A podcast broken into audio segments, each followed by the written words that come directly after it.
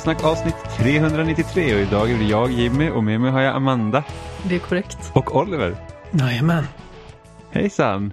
Hej. Lite sådär smått förkyld li- lilla Oliver. Ja. Kallar det lille Oliver också. Det känns väldigt såhär nedvärderande. Bara, Åh, har du blivit sjuk? Lille vännen. Ja, åh, snutt, snutt, snutt. Det tog ju två veckor på förskolan innan eh, William tog hem en bacill som fällde hela uh, Thulin-dynastin. Hela släkten.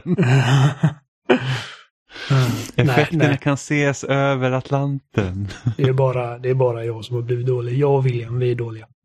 Ja. Men, eh, men det, det, det sitter mest i halsen så att jag, jag har inte feber och sånt skit. Så att jag, det är helt okej ändå. Ja. När föräldrar skickar sina sjuka barn till förskolan. Men jag, eh, så jag ber om ursäkt i förväg ifall jag låter dåligt den här veckan. Ja. Eh, vi bara uppmärksamma att september så firar vi tio år med spelsnack och vi kommer ha den 25 Ja. en livestream som börjar 25. klockan 10. Så vi kommer spela en massa spel. Så det ska bli jätteroligt. Så då hoppas vi att ni knappar eller rattar in er på, på vår eh, kanal på Youtube. Helt enkelt. Det är inte vilken Så- livestream som helst. Vi kommer ju sitta hela dagen. Ja, precis. Från klockan 10 fram till eh, småtimmarna. Så Ja. att eh, det blir massa spelande så vi hoppas att ni vill vara med och fira. När vi Så att eh, även om firar. du inte kan vara med från klockan 10 så det, kom in någon gång under dagen så är vi där. Ja, och skulle man vara upptagen hela dagen så kommer såklart hela streamen ligga upp på YouTube eh, efter det också. Jag har planerat en kupp så det blir 15 timmar Fall Guys. 15 timmar Fall Guys. Äh. Oavsett, o, oavsett vad vi spelar så ser man lite Fall Guys i bakgrunden oavsett. eh, Vart man än tittar finns det en böna. Usch. Men Fall Guys är jätteroligt Oliver, jag förstår inte detta hat mot Fall Guys. Eh, nej, det är inget hat. Det är bara så här. Jag förstår inte liksom besattheten från ert håll. Men jag hatar inte spelet. Jag bara tycker att det är hy- hysteriskt medelmåttigt.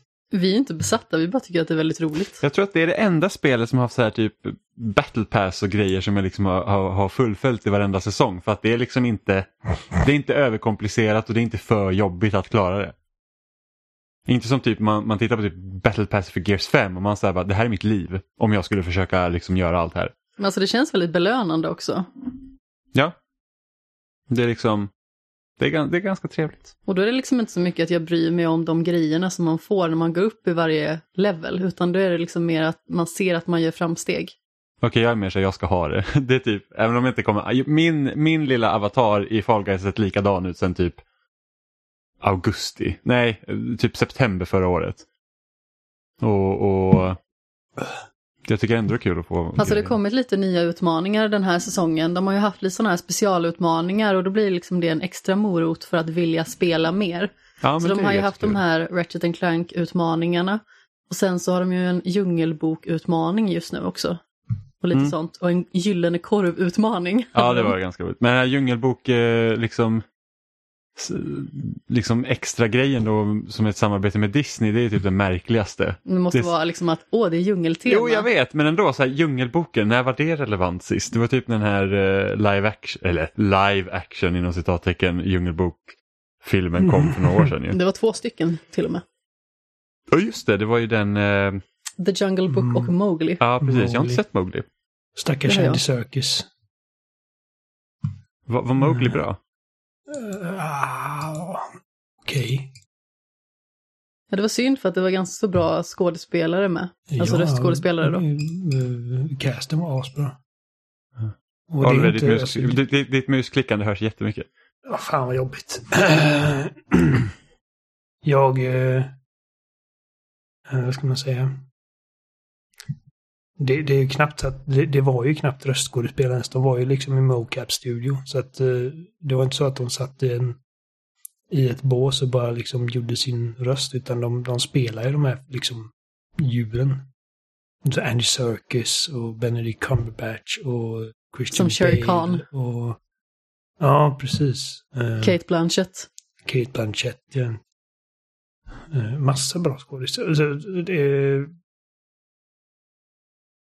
Ja, nej, jag kände lite för den för att det var liksom att det var någonting en cirkus på med väldigt länge och sen så kom Disney ut med sin först och då liksom sköts hans fram och sen till slut så kom den inte ens ut på bio. Och Jobbigt läge. Ja. Jag minns att Djungelbokspelet till typ Mega Drive var rätt så bra. Man typ sprang runt med Mowgli och så kastade man bananer på folk tror jag.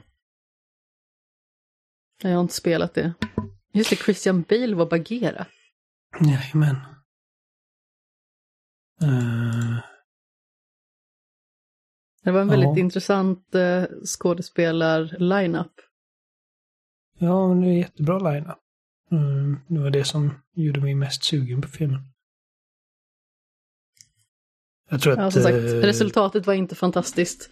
Men det var ju inte den andra Djungelboken-filmen heller. Däremot så tyckte jag att den var bättre. Fan, jag tycker eh, John Favreaus Djungelboken var rätt bra faktiskt. Det är, en av de bättre så här, nyinspelningarna. Ja. Vilken är Ja, den absolut. bästa, tycker ni? Och jag vet faktiskt inte. Jag har inte sett det. Aladdin vill jag ju se. Men jag har typ sett Askungen, eh, Lejonkungen, vilket var helt, alltså Lejonkungen måste jag säga, den var helt onödig. Ja, den var helt Alltså, meningslös. alltså den tog, liksom, tog allt som gjorde den här tecknade filmen jättebra och sen gjorde den bara allt sämre. Det var så här, bara, ah, här är det här liksom spektakulära typ sångnumret när Simba sjunger att han ska bli kung. När han liksom hoppar på typ giraffer och grejer och det är jättemycket färger i bakgrunden och här bara, ah, han dök under en hals. Mm. Och det var det typ. Man säger bara, Och Beyoncés wailande hela tiden i sånger. Åh gud, Beyoncé. Det var så pinsamt irrelevant, verkligen. Ja, men det, Jag tyckte inte filmen, om det alls. Den filmen äh, saknar helt och hållet värde för att den, den tillförde ingenting av värde. Den, liksom, allting som var bra med den filmen kommer från en annan film.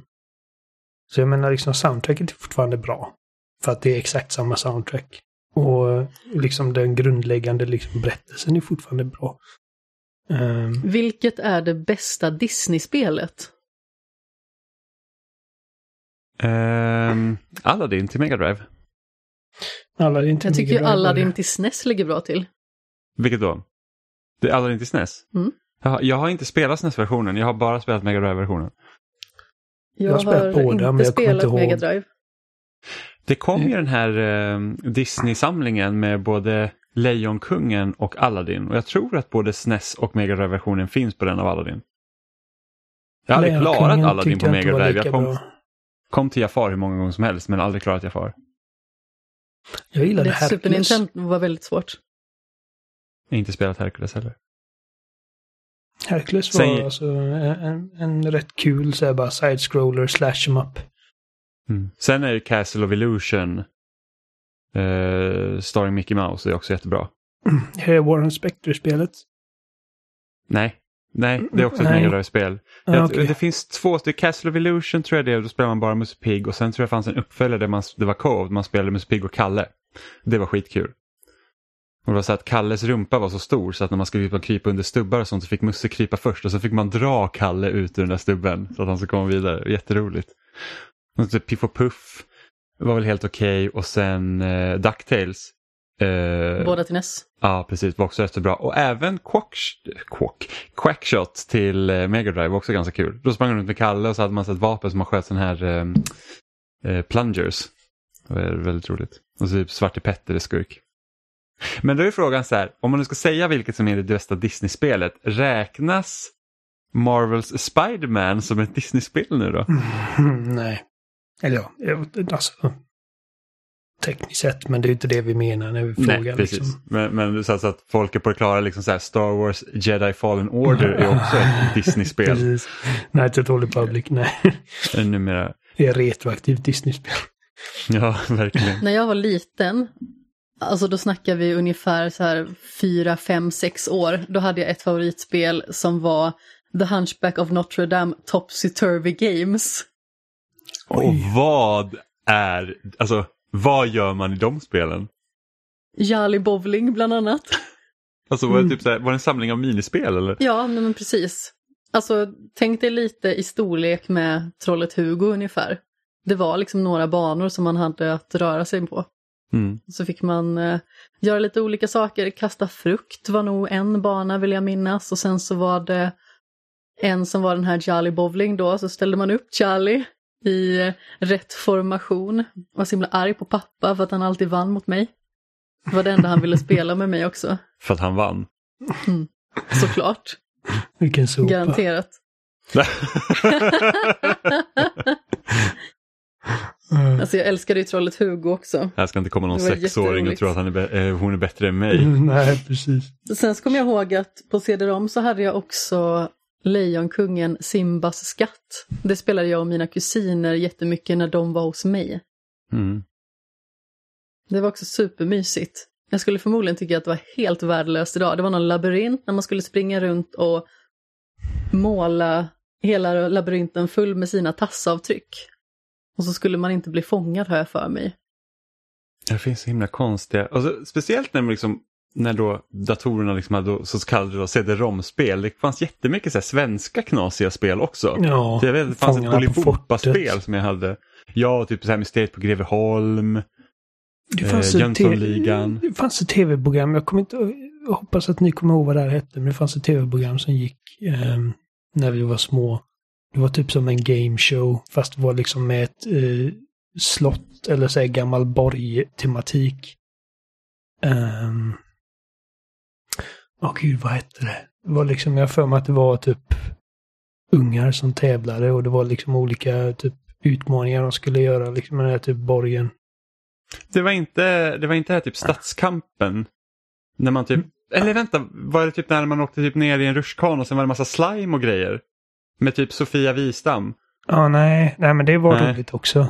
Ja, det var kul ja. Jag tror att det hette så, Eh. slime och grejer med Sofia Nej, jag kommer inte ihåg vad det hette, men jag kommer ihåg det var alltid i slutet så fick man åka ner för rutschkanan så hamnade de med massa slime. Och det var, Ja, det var Sofia det var Wistam nice. som var programledare. Det var jätteroligt. Och Stadskamp var Eh. kul också. Jag tror det fanns någon sån här mini-Stadskampen. Nej, men det, För jag, jag också. tror att det jag pratade om, jag tror att det var en SVT-produktion. Um, och det liksom i slutet så kom det typ någon drake. Ja, Ja, Ja, inget jag- minne av det här. nej. Det låter som Bolibompa. Ja, det, faktiskt. På slutet kom en drake. Ja, nej, nej, jag tror inte detta var en Bolibompa-grej eller ja, Nej. skitsamma. Jag Ehm, vet att jag har jättedålig koll på den typen av program. Jag såg inte så många sådana när jag var liten utan det var väldigt ofta så här Mumin eller Disney-filmer. mm, Alltså, det är, rätt, Landet för länge sedan. ja, det är rätt så sjukt när man tänker liksom på att när vi var barn och man fick höra typ så här att våra föräldrar när de tittar på tv så här, typ pappa kommer fortfarande ihåg när tvn bara var svartvit. Eh, och sen så här, bara, bara två kanaler. Och liksom nu när vi är äldre så vi liksom kan säga till, ja men som du kan säga till din unge Oliver eller vi kan säga till våra, liksom så att ja men det kom barnprogram en gång om dagen Och sen försvann klockan, de. klockan sex på ettan liksom. Det var det enda man hade att se på. Om man liksom inte hade då parabol senare. Men liksom det var så här, klockan sex då var det Bolibompa. Och sen på fredagar så var det liksom så här från klockan sex till typ halv åtta för då var det också Disney-dags med. Så var det liksom Lattjo klockan sju på morgonen vad det var på vardagarna. Ja, sen, sen fy, fyran hade ju lite mer liksom eh, när vi blev äldre då. Mm. Så, så var det typ man fick hålla sig till ett schema på den tiden. Ja, och sen typ och med femman och trean hade ju barnprogram varje morgon, liksom på helgerna. Det var skitroliga liksom, tecknade program. Mm. Och sen Det fanns det såklart. Cartoon Network men det var inte jättevanligt. Som idag så att folk tar upp sin padda liksom. Då har du allt Ja. du kan se på på YouTube. Jag kommer ihåg att Cartoon Network förknippades väldigt mycket med att vara hos min farmor först, för hon hade det av någon anledning. Och sen så skaffade vi det när jag var lite äldre, alltså kanske sådär tio någonstans. Mm. Och då var jag jättelycklig för då kunde jag se på alla program av Scooby-Doo som kom på tv och Snobben. Mm. Ja, vi hade ju aldrig parabol liksom. Nej. Vi hade bara ett, ettan, tvåan, Ja, fyran. och f- Eh, ja. Fram tills jag var tonåring typ och då brydde jag, jag brydde mig inte lika mycket om Cartoon Nej, men sen, sen så när de, la, sen när de la ner marknätet då, när man inte kunde få analoga tv-signaler längre och det bara blev digitalt, då fick man ju lite extra kanaler som typ TV6, eh, mm. VH1 och vad mer, det var typ någon History Channel som kom också. Och sen så typ så här lokal, alltså, yt, alltså väldigt, väldigt lokal tv kunde också finnas på något digitalt nät som man tittar på och man säger vad är det jag ser på nu? Uh, men vi, men som sagt, mormor hade ju liksom så här ett, två, tre, fyra, fem. Så då kollar man ju. Och sen ibland så var det någon så här typ, eftersom hon bodde i ett Comhem-hus, så ibland kunde det vara så att Cartoon Network fanns på typ provperiod och då var man ju överlycklig liksom, för då var det barnprogram hela dagen. Det var knäckande för mig att eh, den animerade Batman-serien bara gick på femman. Eh, Ja. som, jag, som jag aldrig hade. Så de Just gånger det. man liksom råkade Framtidens sig... Batman fanns ju på Cartoon Network också. Mm. Eller Batman De- Future hette den väl bara. inte, inte Batman Beyond. Just det, Batman Beyond hette den ja. När jag körde Mm. Arkham City senast, då körde jag ju med eh, Batman Det Beyond-dräkten såg hela helt tiden. absurt ut. Ja, det gjorde det, men det var kul. För att det var alltid, jag kommer ihåg alltid var så här, beteende. nej, men alltid så här eh, när de här Batman-spelen kom ut och det kom alltid massa olika kostymer som, som, Mm. som ser ju mer eller mindre bra ut. Men, men så att åh, det skulle vara skitkul att kunna ändra liksom, den här kostymen. Det var alltid så här pre-order bonuses och det var liksom, varenda butik hade ju en egen kostym till sig och det gick inte att få tag på dem. Så det är skönt att den tiden nästan är helt förbi. Ja. Typ, ja men köp det här från Best Buy och du får den här. Man bara, ja men Best Buy finns inte här. liksom. Och även om den hade funnits här så är det okej, men då, då finns det andra kedjor som har sina egna exklusiva grejer. Så att, Ja, men precis, man Game köpa- brukade ha någon och webbhallen brukade ha någon egen och Mm. sådär. Så att det, ska man liksom köpa så- samma spel hur många gånger som helst? Nej, nej, men det, gör man ju inte. man Alltså, i- det blir så absurt med de här jävla förbokningserbjudanden så att jag, jag har ju massa koder som jag aldrig skrev i. Det var så att jag orkar inte. Eller typ när man hade beställt hem ett fysiskt spel och man öppnar hela fodralet och det kom typ tre, istället för manualen så kom det typ tre sådana jävla kort med koder på som man skulle skriva i. Och man var Mm. så här bara, är det inget så här online pass som gör att jag måste skriva den här för att kunna spela någonting, då skiter jag i det. Jag har köpt Batman Arkham-spelen på lite för många plattformar känner jag. Det är PC, det är Xbox, Playstation 3, Playstation 4. Ja, Och jag har spelat på alla också. ja det har du. Ja, det är som eh, typ jag äger Resident Evil 4 på typ varenda format som finns. Ja, Mm. men det är också ett spel. Det är liksom GameCube, Wii, Playstation 2. Kom det till Xbox? Ja, inte första Xbox. Nej, och så så här 360, PS3, PS4, Xbox One. Så det är också ett spel. som- Det är som Skyrim, släpps också överallt. Mm. Skyrim har faktiskt gått om Resident Evil 4 nu på liksom antal versioner. Jaså? Mm. För det kommer ju en ny nu. eh, den 11 november som är 10-årsjubileumet. Ja, just det. Överflödighetens Skyrim. överflöd. Och det, är väl, och det är väl då för att det blir en ny version på PC varje gång också. Så att det är liksom så att du har första Skyrim och sen kommer Anniversary. Ja. Nej, i och för sig. Anniversary... Nej, Special Edition hette den senaste. Så då, Mm. jag tror att de som ägde Skyrim på PC fick den uppgraderad automatiskt. För så ska det vara med Anniversary Edition nu också. Det uppgraderas automatiskt från dem. Eh, om man har Special Edition. Så det är schysst. Mm. Faktiskt. Men eh, ja, en till vecka har gått och eh, vi har väl spelat en hel del spel igen, antar jag. Jag har äntligen mulat Hades. Jaså? Jaså, säger du? Ja, Jaså. precis som att jag inte Alldeles suttit bredvid. ovetande. Oj, som att oj, du inte oj, satt- vad är detta jag Som att du hör? inte satt bredvid. Ja, men det var väldigt härligt att äntligen få göra det. Det var en skön känsla. Men naturligtvis kommer jag försöka att ta honom fler gånger. Och jag var så nära två gånger häromdagen. Och det krävdes liksom bara en typ fingernagel på livet i stort sett för att ta ner honom. Men så hade jag lite otur. Ja, ja, jag kom ju till Hades Ja. igår på min, på min profil jag har på Xbox. Då. Jag har ju spelat på Switch tidigare. Men jag lyckades inte ta honom. Ja, då var du inte pigg när du spelade. Nej, jag var rätt och rätt. Ja. Ja, vi skulle kolla på La Casa de Papel efter att vi hade varit ute med valpen igår kväll och eh, så tänkte jag att men vi kanske kan fortsätta se lite till då. Och så låg Jimmy med huvudet i mitt knä så jag liksom såg inte om han var vaken eller om han sov. Och så frågade jag flera gånger, älskling, sover du? Nej, ja, jag är vaken. Jag är vaken, kollar. Älskling, är du säker på att vi inte ska gå och lägga oss? Nej, nej. Älskling, ska vi kolla på ett avsnitt till? Ja, jag vet inte, jag kanske så råkar somna igen. Det här har man aldrig hört talas om. Jag, jag. Jimmy är bra på att somna när man kollar på grejer. Ja, gud ja, men jag tror att det är liksom Eftersom jag alltid tittar på något precis när jag, när jag faktiskt ska gå och sova så blir det så här automatiskt nästan att så fort man slår på någonting så bara dunk. När jag var hemma hos Jimmy första gången så gjorde han också den manövern att han la huvudet i mitt knä och då sa jag följande, säg till mig om du somnar. Ja, ja precis, jag, bara, jag ska komma ihåg. Mm. Vad har du spelat Oliver? Du, eh, jag har klarat första Psychonauts. Eh, och direkt hoppat in i Psychonauts 2 som faktiskt Mm. är ett, ett väldigt lyft från första spelet. Mm. Ja, hur känns det att gå liksom mellan ettan och tvåan? Tvåan, För att jag, var- jag har ju också klarat tvåan, eller jag har, jag har klarat tvåan men jag har inte spelat ettan. Nej, Så jag kan inte göra Mm. den raka jämförelsen. ettan är ju gammalt så man ska ju liksom inte typ...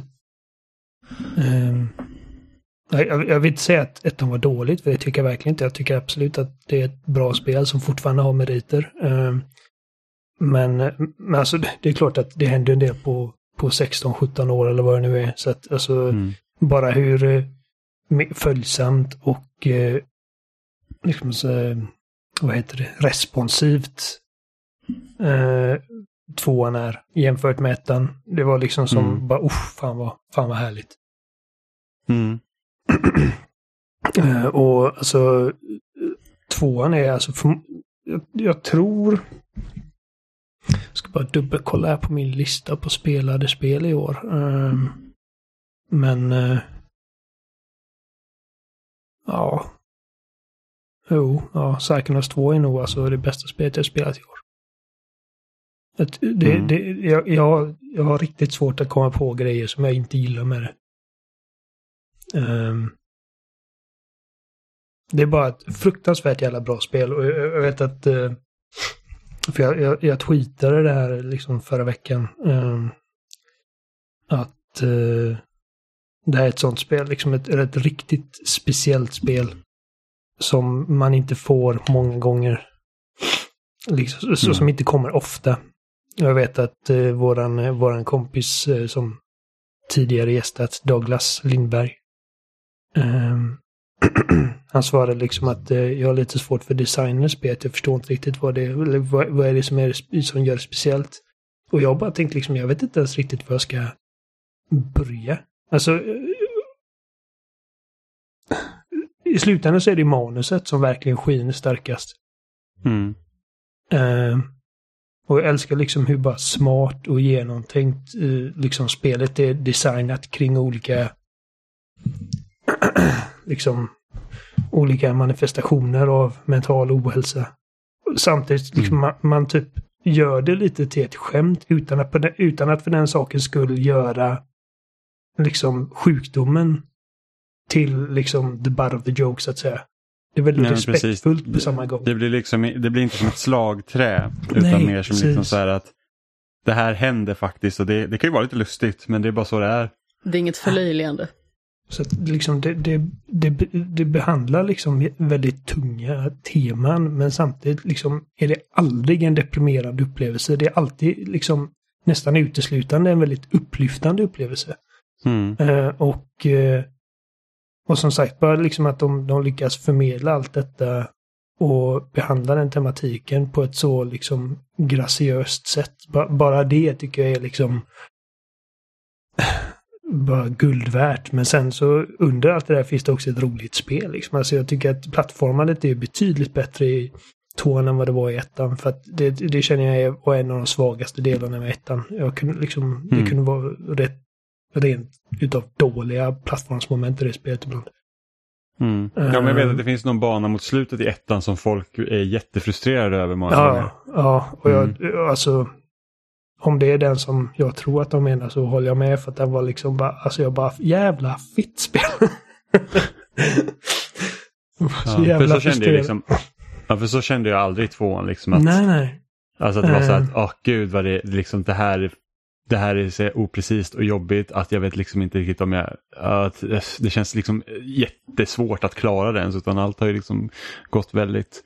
Ja, till, till viss del liksom att jag känner att spelet, i alla fall till stor del i början var så att jag hänger liksom bara med. Liksom jag gör inte så mycket än att hoppa liksom framåt på de här banorna eh, eftersom pusslerna är rätt så få.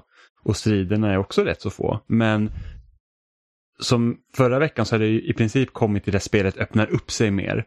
Och Mm. efter det, då tycker jag att spelet verkligen lyfter också spelmässigt. Inte för att det blir så här svåra pussel eller att man liksom får tänka mer så, men det, är liksom, det känns som att man har lite fler valmöjligheter helt plötsligt och det, det gör mycket. Alltså det, det är inte det liksom mest utmanande plattformsspelet och det är inte det mest liksom fria och liksom så, att, så att det är liksom inte ett Celeste. Eh, så, där det verkligen utmanar dig och det är inte ett Super Mario Odyssey heller där du liksom kan leka runt i en sandlåda och även om det finns element av det där, där så blir det aldrig riktigt lika djupt som ett sånt spel. Eh, och jag- jag vet vad du menar med liksom att man typ go with the flow lite i början för att man liksom typ Mm. presenteras för den här liksom typ eh, premissen och de här karaktärerna och det är många liksom eh, många idéer och grejer som måste etableras. Mm. Eh, men jag tror att eftersom att manuset är så jävla bra så känner jag liksom att det blir aldrig problem för mig. Utan jag, jag var okej med att liksom följa med på resan där till en början. Um, och jag blir, jag, liksom, jag blev genuint, uh, ska man säga, överraskad över, liksom som när du sa att det öppnade upp sig, liksom att okej, nu finns det liksom att jag kan liksom gå off the beaten path och göra sidouppdrag och liksom prata med karaktärer och, och liksom riktigt så öppet blev aldrig första spelet. Nej. Nej, för att jag var ju nästan helt inne på att ja, men man är i Motherlobe och det är härifrån du liksom Ja, kommer ja, åt alla andra hjärnor. Det är det liksom. Men sen så helt plötsligt finns det ju liksom en, en, en jättestor del till. Ja. med massa olika sidospår. Så det, det var faktiskt väldigt trevligt och där var det ganska kul liksom att leta efter de här, de här psycards och, och liksom göra de här olika uppdragen och så. Och det, liksom, det blir heller aldrig överväldigande. Som att det är så här att, åh gud vad mycket det blir att göra helt plötsligt. Nej, nej, och det är liksom, och man ska springa, utan det är liksom så här att man pratar med någon, man hör att här, den vill ha det här och man får ett litet uppdrag. Och det är inga liksom ikoner på kartan man måste jaga utan det är så att om du vill hitta någonting då får du gå och leta efter det själv. Och det är Mm. något som jag tycker är så himla skönt. Och det är flera spel den senaste tiden jag har spelat nu som har liksom haft lite mer öppen struktur och där man får uppdrag och där man liksom inte får en markör utpekad sig utan så här att nu får du faktiskt sitta och, och leta upp det här stället själv och det, det är bara så här, fan vad skönt ändå att det är liksom inte någon som säger åt mig att hit ska du. Nej, och det, det är så ovanligt. Och det, är liksom, det finns kartor i Psychonauts, men det är sådana kartor som man typ, om du plockar upp liksom, om du är typ på Liseberg eh, och plockar upp en så här liten pamphlet liksom, att du har liksom en liten handritad. så här, Ja, generellt liksom, eh, här är typ, så att det är aldrig så att du har liksom en eh, typ Metroid Prime-karta där du, där du ser exakt vad allting är, varenda rum och varenda dörr och varenda, liksom exakt vart du är och så, utan det är typ bara en generell liksom, okej här är lay of the land lite. Mm. Ehm, vilket jag vet att eh, det kan säkert vara frustrerande för folk för om det är liksom någon som som faktiskt råkar bli liksom att de inte riktigt hittar vart de ska. Eh, Mm. Det har inte hänt mig, men, men om det liksom skulle, det, det är inte omöjligt att det skulle hända någon spelare, liksom att de inte känner riktigt att de vet vart de ska. Så kan jag tänka mig att det kan vara lite frustrerande att den kartan inte riktigt ger den informationen som man är van vid att kartor gör i tv-spel. Mm. men, Ja eh, men precis och det är så att har du glömt bort vart du var på väg någonstans då är det liksom svårt att få upp den informationen igen. precis, ja.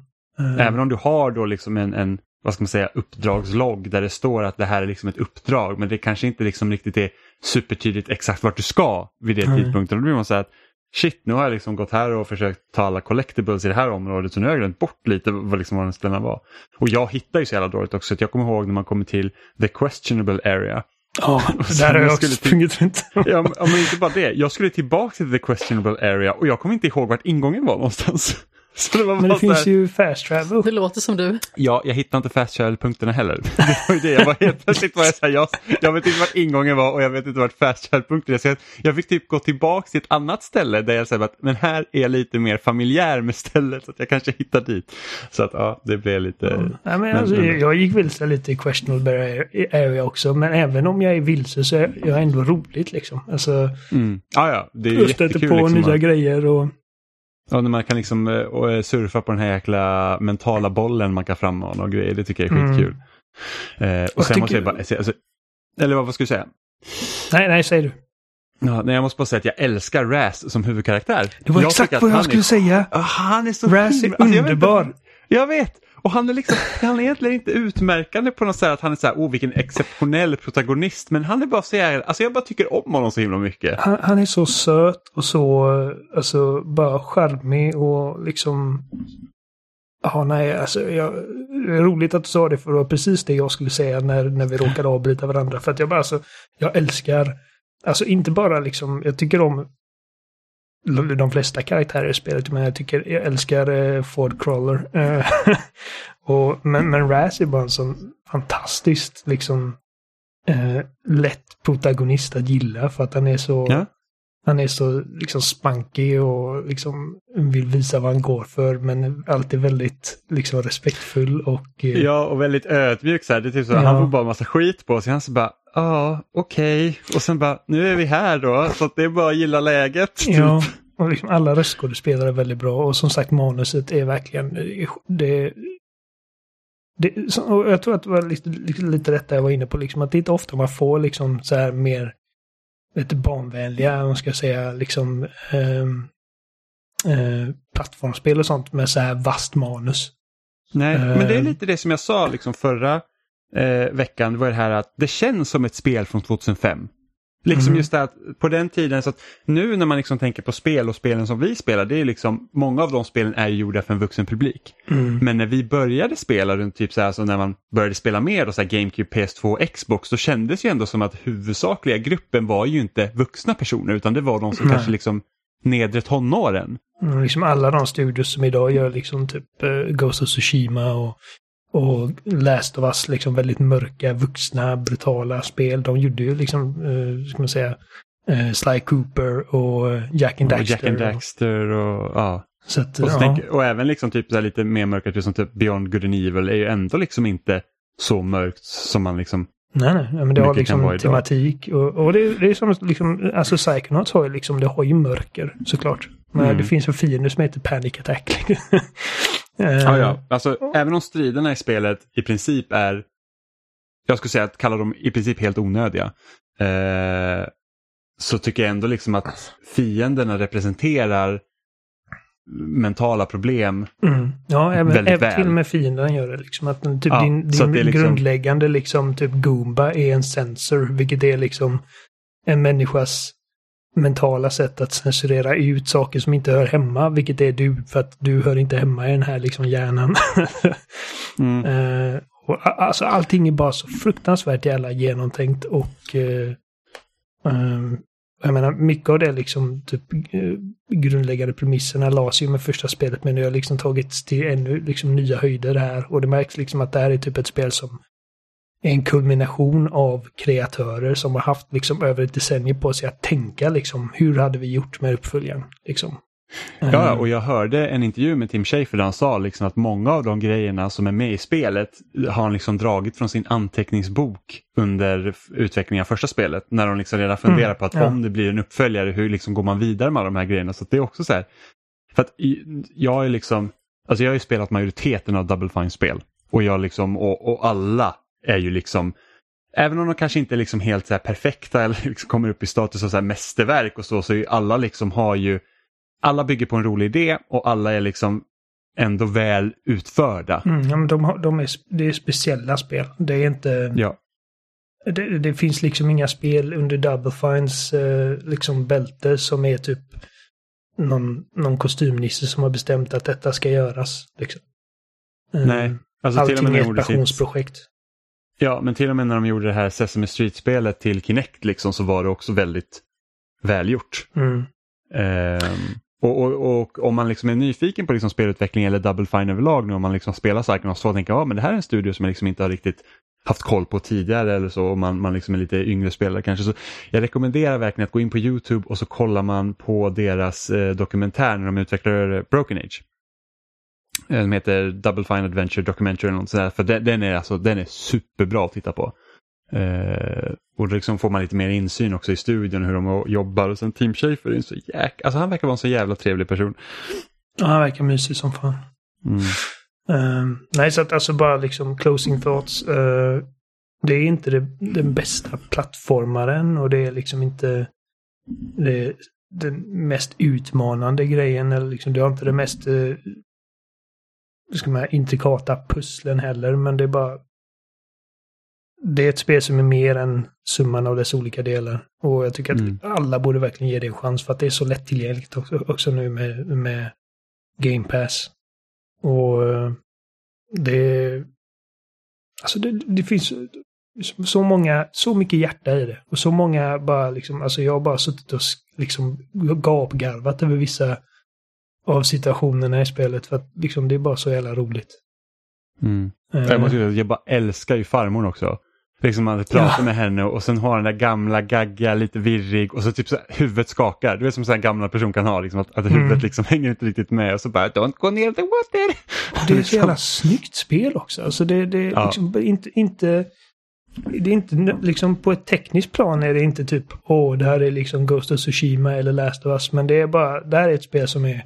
Det har fruktansvärt bra art direction. Mm. Eh, Ja, men det är som en så här Tim Burton-esk. mm.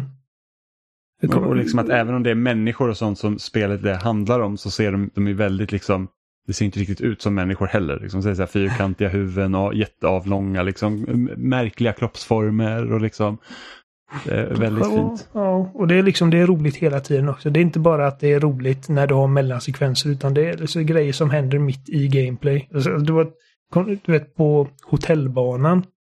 Eller nej, Mm. eh, kasinobanan.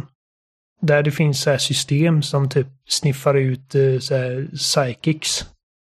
För att man Mm. får inte ha liksom folk med psych, eh, psychic powers på ett kasino såklart. Eh, Nej, och det är precis. typ någon röst som säger, när, när Raz kommer där så är det någon som säger bara liksom weak psychics detected. Han bara weak? ja, ja, det är skitkul liksom. Åh, Eh, gud, ja, jag men det är verkligen, Psycho. ja, nej, men det, folk borde verkligen ge det en chans och se om de gillar det. Liksom. Det tycker jag. Eh, men Amanda, du har ju börjat ta an dig ett, ett, ett lite större projekt nu äntligen. Det stämmer. Ja, så vad, vad, har, vad, har du, vad har du hittat på? Du och jag har börjat spela Halo. Det stämmer. Och jag, har ju- jag har spelat det hur många gånger som helst. Oliver har spelat Halo hur många gånger som helst. Du har aldrig spelat Halo tidigare. Inte det minsta. Nej, så att hur... Vi är tre banor in på första spelet nu, så hur känner du över Halo? Jag tycker ju framförallt att det känns väldigt bra. Det är väldigt lätthanterligt. Mm. Vilket är bra för mig som är ganska så dålig på det här. Men det är dåligt, det gick ju hur bra som helst. Men det gick ganska så bra. Liksom enda, gången, en, enda gången du har dött är när jag råkar slagit dig i ryggen två gånger och stackar dig med en granat. Ja, och sen så försökte du mörda mig med hjälp av att eh, köra in en massa granar. Ja, men det är svårt att styra bilen, okej? Det är inte den världens mest lätthanterliga bil i Halo. Nej, den är förmodligen inte värre än Makon i alla fall i Mass Effect. Nej, det är den inte. Nej, men som sagt, eh, det är faktiskt eh, oväntat smidigt. Jag var ju lite orolig liksom för att eh, hur gammalt är Halo vid det här laget? 20 år för att Ja, vara exakt. 20 år gammalt liksom. Eh, och det finns ju då i den här Master Chief Collection som vi eh, spelar en möjlighet att kolla hur det såg ut för. Mm. Och jag är faktiskt överraskad också över hur snyggt vissa partier ändå fortfarande ser ut. Mm. Alltså jag, jag, för, jag spelar alltid ettan i originalgrafiken.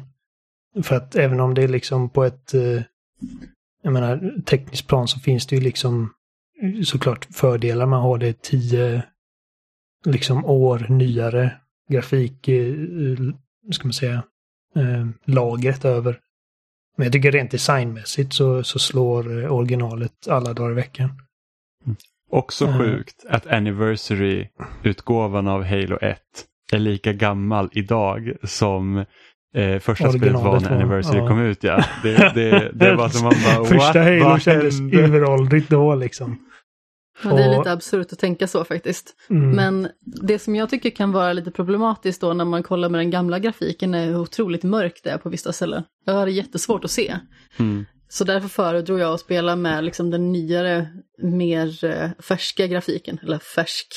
Den är fortfarande, vad är det, tio år gammal liksom. Mm. Mm. Hur långt har ni kommit? Ja. Vi har, vi har klarat tre banor då, så att vi är precis klara med Truth and Mm. Reconciliation. Ja, Truth and Reconciliation är ju den mörkaste banan i spelet också. Så jag Mm. förstår det. Ehm, men ja, alltså... Det, det är roligt att du säger det, för att, för att jag, och jag liksom... varje gång jag återvänder till Halo 1 så slås jag liksom av hur jävla bra det bara känns att spela. Liksom att det fortfarande känns eh, så smidigt och, och lättspelat. Trots att det är Mm. 20 år gammalt och det, alltså, det går inte att eh, det går inte att liksom överskatta hur hur mycket hela FPS-genren på konsol har att tacka Halo för. Nej men exakt, alltså jag har ju testat flera skjutare som jag tycker är sådär rent tekniskt. Och jag menar, det är jättestor skillnad. Alltså Bioshock-spelen älskar jag. Alltså både Bioshock och Bioshock Infinite tycker jag är magiska spel. Mm. Men skjutandet är ju faktiskt ganska undermåligt om man ser på det så. Särskilt, särskilt om man jämför med Halo då som är liksom... Om nu skulle säga, första Halo är alltså sex år äldre än första Bioshock. Ja men Ehm. precis. Sen Bioshock-spelen hade ju verkligen inte behövt vara första persons skjutarspel. Utan de hade ju kunnat vara någonting annat. Men eh, det klär ju verkligen Halo bra att vara i den här genren. Och det fungerar som sagt lika bra som eh, Gears of War fungerar i tredje persons skjutargenren liksom. Mm. Så man förstår ju liksom någonstans varför de två serierna är så hårt förknippade med alltså varumärket om man säger så. Mm. Eh, samtidigt så, ja, det är kanske lite grått och lite brunt och lite tråkigt att eh, det bara är de två serierna liksom som man ser som flaggskepp. Men eh, alltså, det är jäkligt solidt att spela ändå. Och det känns skönt att inte, jag vet inte vad jag ska säga, det känns skönt att inte behöva känna sig kass på grund av att det är svårt för att det är liksom Bökigt Tekniskt att- undermåligt. men Liksom. bökigt att spela. För det är alltid risken när man spelar gamla spel. Så bara, kommer liksom kontrollen vara ett problem Mm. nu? Precis. Alltså när, när vi liksom spelade Ratchet Clank tidigare i år. Och inte för att Ratchet Clank känns jättedåligt att, om man spelar på vita då, som vissa gjorde. Eh, Tycker jag att vissa är lite negativa mot vissa andra som är 25 centimeter kortare. men eh, så att där liksom märkte man ju att spelen blev ju lättare över tid för att det blev lättare att hantera och att man liksom inte säger att det behöver inte vara ben hårt, svårt här. Liksom. Mm. Nej men om man kollar på det som så att Halo och första Ratchet Clank är lika gamla. Ja, det är de faktiskt. Och så testar man att styra första Ratchet Clank och så känner man att det här hade de kunnat göra väldigt mycket bättre. Mm. Alltså det är lite bångstyrigt på vissa ställen och just på några plan eh, på vissa planeter så är det extremt oförlåtande. Och jag känner ju liksom inte att Halo är ett oförlåtande spel förutom när Jimmy slår mig i ryggen så att jag dör. Men det är inte spelets fel. Nej, Nej. nej men det, är- det är Halo är inte oförlåtande. Det, och liksom, särskilt på högre svårighetsgrader så är det svårt, men det är aldrig att man känner att åh, det här är omöjligt. Ifall man inte kör all skulls. Ja, precis. Jag tänkte precis säga det när vi körde LAS Oliver. Du gör så här fyra timmar per bana. Ja, minst. Då, då känns det, of, då är det oförlåtande. Ja, för att man får inte upp skölden. Oförlåtande men självförvållat. För, ja, precis. Och för, de- och, för de som inte vet, när man liksom sett, alltså skulls i Halo, det är liksom så här typ modifiers som man kan ändra liksom spelet. Eh, genom Mm. att typ göra fienderna svårare, eh, begränsa ens egen arsenal och så. Och det finns då eh, playlist i Master Chief Collection där alla skulls då ska vara på. Eh, och det är jävligt svårt. Det är fruktansvärt svårt. Alltså bara Mm. den att eh, dels så tar de bort din HUD så du ser inte vilket vapen du har, du ser inte ditt sikte, du ser inte hur mycket liv du har, du ser inte vart kvar, liksom någonting. Eh, och sen att eh, du får inte upp din sköld förrän du gör en melee-attack på en fiende. Den, den är ju Mm, typ värst. typ- Ja, och i något spel är det typ så här, du kan inte plocka upp Covenant-vapen så då begränsas din arsenal jättemycket. Ja, och alla vapen, alla ammo du plockar upp är typ halverad. Eh, Ja, jag, tr jag tror det enda liksom spelet jag skulle säga att du och jag utan problem kan klara laser på det är Reach. ja, det där har vi gjort att vi har laser gjort challenge det. flera gånger. ja. Alltså jag har en video fortfarande sparad på min 360 när, och då bodde jag fortfarande hemma med mobilt bredband så att det laggar ju så himla mycket för mig så att jag var i princip värdelös. Jag var, jag var Olivers spawn point i princip. eh, och, och så, så hade han typ slagit Men, någon elit. Nej, på, det finns ingen spawn point Nej på laser. det, nej just det, det var en iron. Okej, nej men okej, jag sitter typ och gömmer mig någonstans och försöker att inte dö. Och Oliver typ dödar en elit och man kan se Oliver hur exalterad han är när han förklarar detta för mig vad han gjorde för att hans karaktär i spelet typ bara rycker och visar sig. Bara, och så gick jag hit och så gjorde jag så här. Det är Ja, jättekul. ja, men jag kommer ihåg det för att det, jag trodde aldrig att liksom... Jag tänkte jag är död. Och så råkar jag ninja honom. Men det- Mm. alltså, eliten är ju typ en mardröm på laser. Liksom, Ja. särskilt i Reach.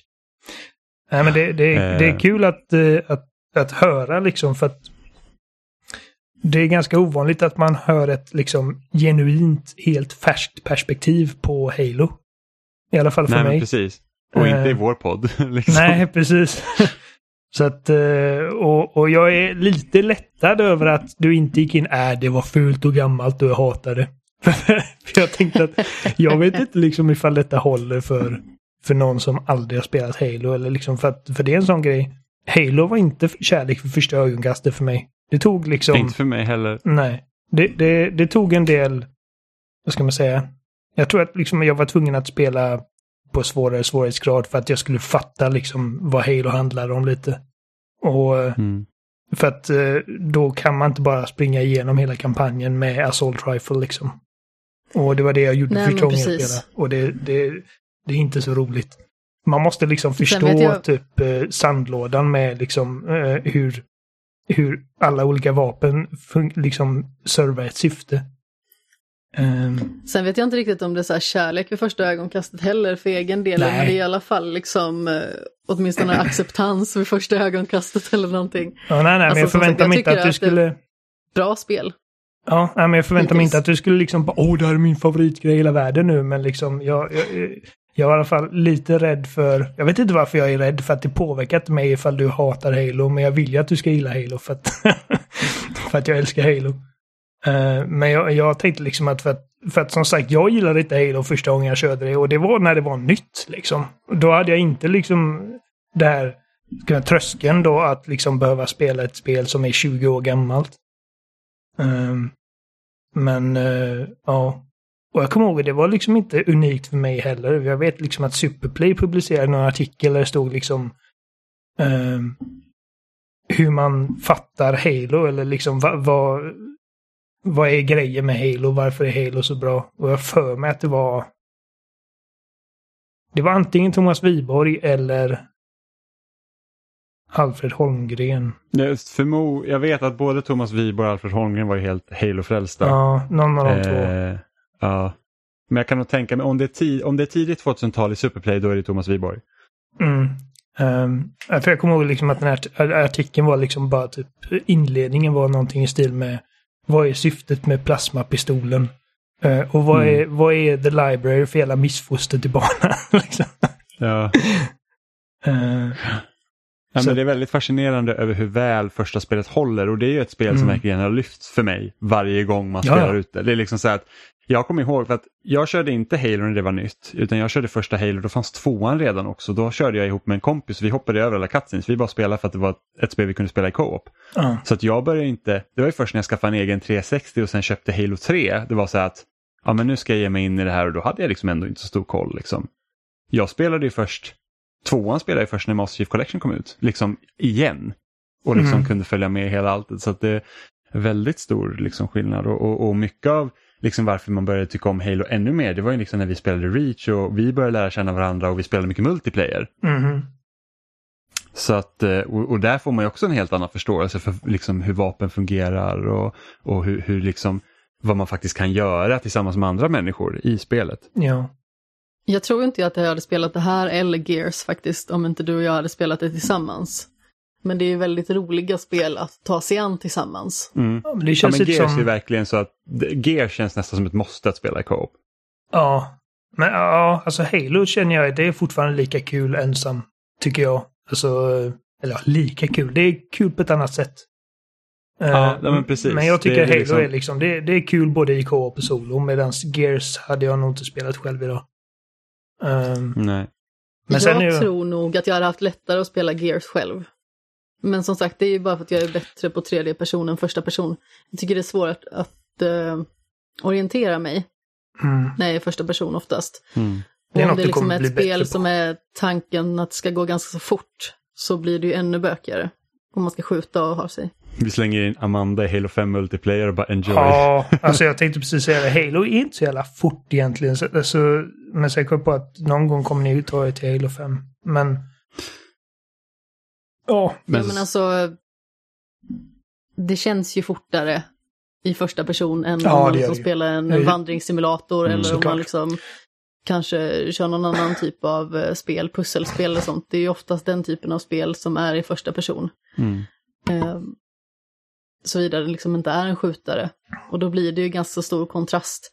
Och det känns ju nästan snabbare än tredjepersonsskjutare också just bara för att det är svårare att orientera sig. Det är svårare att hålla koll på saker.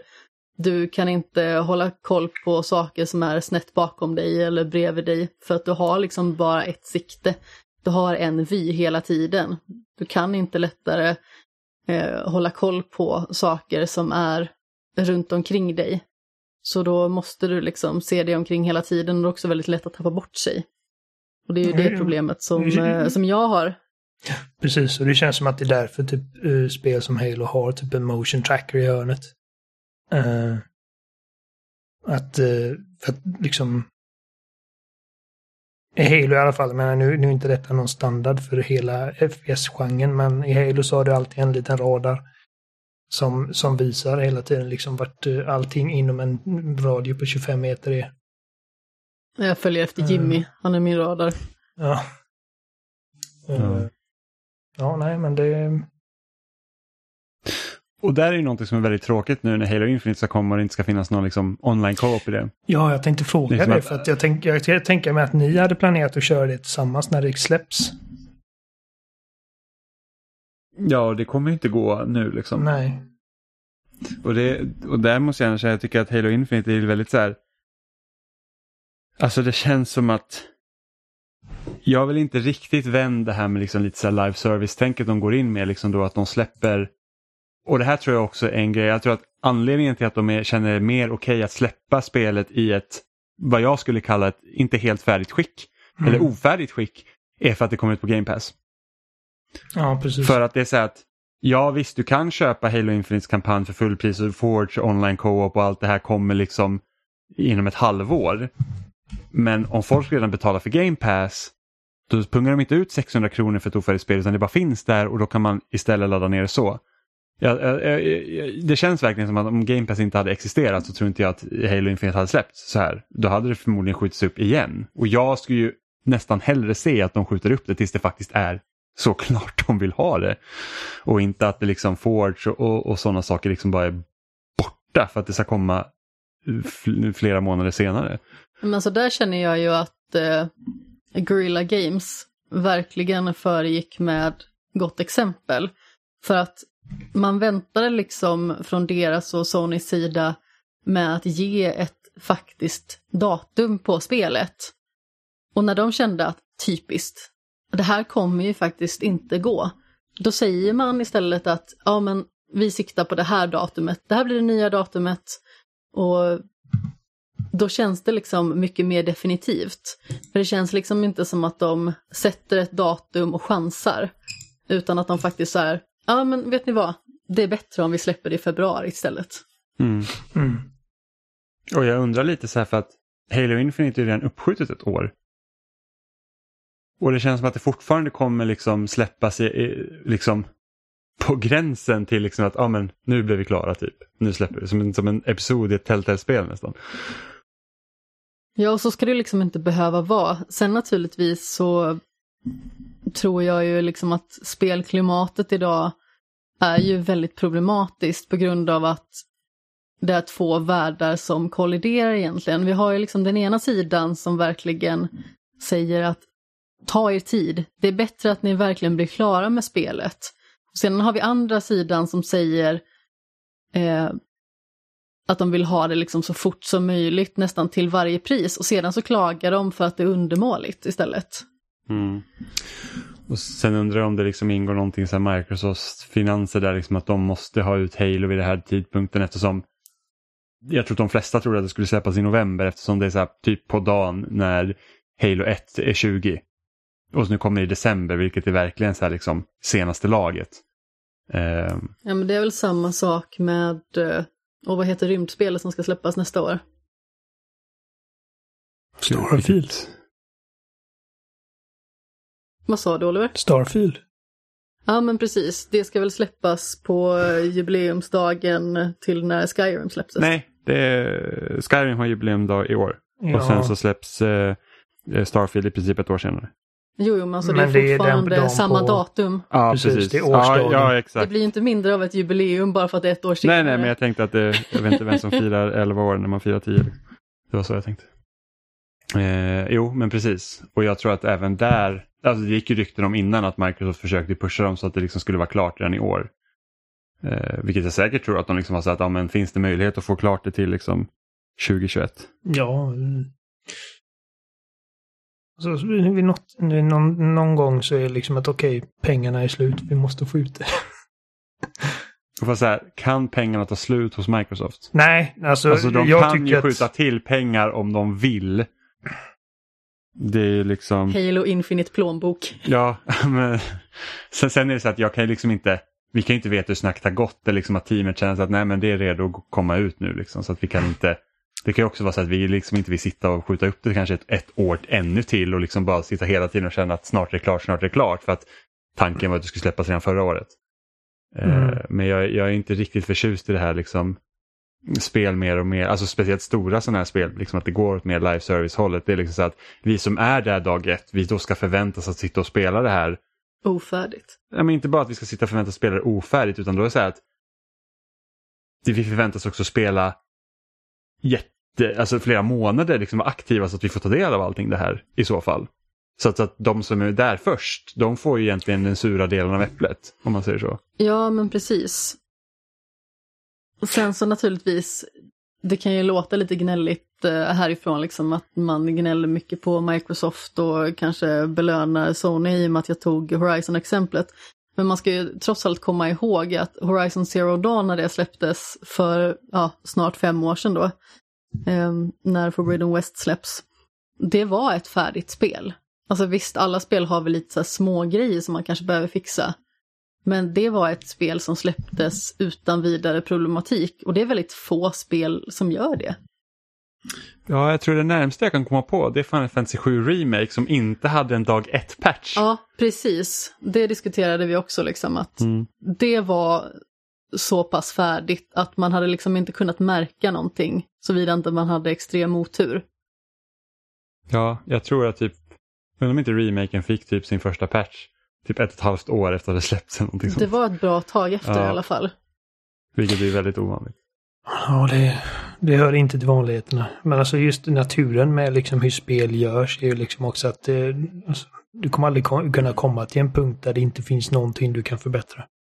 Ja, nej, nej, så är det ju. Men liksom, Eh. det är skillnad på att vi fixar buggar och liksom slipa till spelet lite mot att vi har, här har vi stora delar som inte finns med Mm. från början.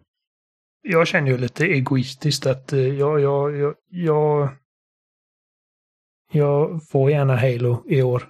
För att jag hade inte tänkt att eh, spela det i co-op första gången jag, jag använde inte Forge heller. Så att, men jag förstår ju också att det är jävligt ballsy. Alltså, alltså Halo, ett Halo-spel har aldrig släppts utan co-op. Ehm, för att det är en Nej. sån integral del och liksom Men, Eh. Ja, precis. till vad Halo är för någonting. Jag såg någon så här typ eh, omröstning på Twitter, vilket inte ska liksom säga, alltså för att de människorna som är på Twitter är ju liksom en viss typ av målgrupp, men jag såg att det var typ bara 30% som hade tänkt att spela det här i co-op. Så jag Mm. vet inte, de, Microsoft kanske sitter på sån data liksom. Eh, Ja, men, alltså jag kan tänka mig att för majoriteten av spelarna så spelar det ingen större roll. Det är ändå tråkigt att liksom spelet inte är, den innehåller inte de delarna som, som det brukar göra. mm. Eh, och speciellt med tanke på att efter fem så gick de till och med ut och sa att co-op och speciellt då split screen co-op kommer bli liksom en stor del. Sen vet inte jag om det är bara online co-op som är borta. Men det är inte kul att sitta och spela split screen heller liksom när vi ändå sitter på två Jag tv-apparater. tror inte de har split screen heller. Nej okej, nej då så. Eh, och det är liksom, Jag kära någon när vi skulle spela Gears på Split. ja nej men precis, man säger bara, ah, jag ser typ inte nedanför liksom. Alltså det var ju midjan." myrskrift. Ja, det var precis. mindre än jag skriver. Ja, Så litet var det. det var ändå lättare, alltså det var lättare att spela Gears i co-op på en tjock-tv. För då klipper de annorlunda. Det är samma sak. Jag, tror har ju ingen aning om det. Nej, samma sak med Borderlands 1. När du körde Borderlands 1 på en tjock-tv då kunde du ha horisontell split, vilket är såklart det man vill ha. Körde du på en platt skärm, då blev det en vertikal. Ja, fy fan. Jag hatar vertikal. Och det gick inte att ändra. Jag med, och speciellt i en shooter, jag behöver inte se mer upp och ner, jag vill se brett. Ja. Det är så jäkla märkligt. Mm. Ja, nej, men det är alltså, det var många år sedan jag var villig att spela någonting på split screen. Det händer inte längre. det, Nej. det har varit flera gånger som du Sebbe frågat typ, ja men ska vi spela det här spelet på launch? Jag bara, ja men då får du ta med din egen konsol alltså för att jag delar inte skärmen. Enda anledningen till att vi gjorde det, det var ju för att det var innan Jimmy hade flyttat in. Ja, ja, men precis. Så då, är det så liksom då hade han Ja, ja. varken sina konsoler eller sin tv nere. Nej, alltså jag, jag Vi menar började inte ju att... spela det uppe hos honom liksom och sen så spelade vi här nere dessutom. Och sen så spelade vi lite separat också. Eller alltså, vi spelade det Alingsås och Flemingsberg över Ja. nätet. Ja, men precis. Alltså det var ingen sen kritik hade- mot er. Det var, det var inte så här Nej, bara, åh era jävla bönder. som dåliga människor. Ja, precis. Det var mer liksom att, och fan, liksom för förut var det ju att man spelade i split screen jämt och nu är det liksom att man har blivit så van vid så här ultrahöga upplösningar och liksom höga bilduppdateringar och så att det är liksom, jag, jag Ja, kan inte vi- gå vi- tillbaka. Vi, vi satt i typ åtta pers framför en 14-tums tjock-tv med inbyggd VHS och spelade Mario Kart Double Dash 4 split screen. Liksom. Jo. Fy. Ja, och det funkar skitbra.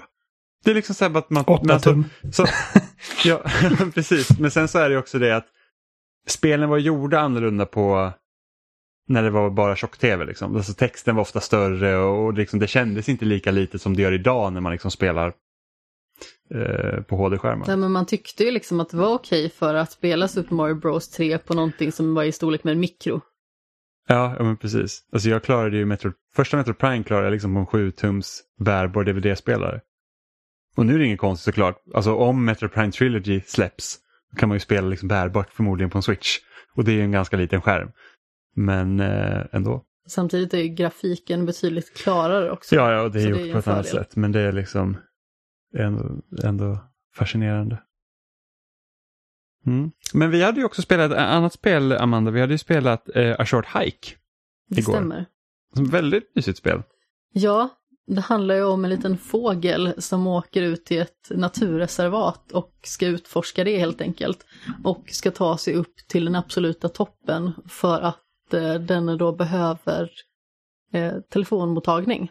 Mm, och Och vänta på ett riktigt samtal. Enda stället högst upp på toppen Ja. där det finns mottagning. Och, då är liksom, och det är ett ganska så här mysigt upplägg på det här spelet för det är liksom att ja, men målet är att du ska ta dig till toppen. Men du behöver inte gå dit.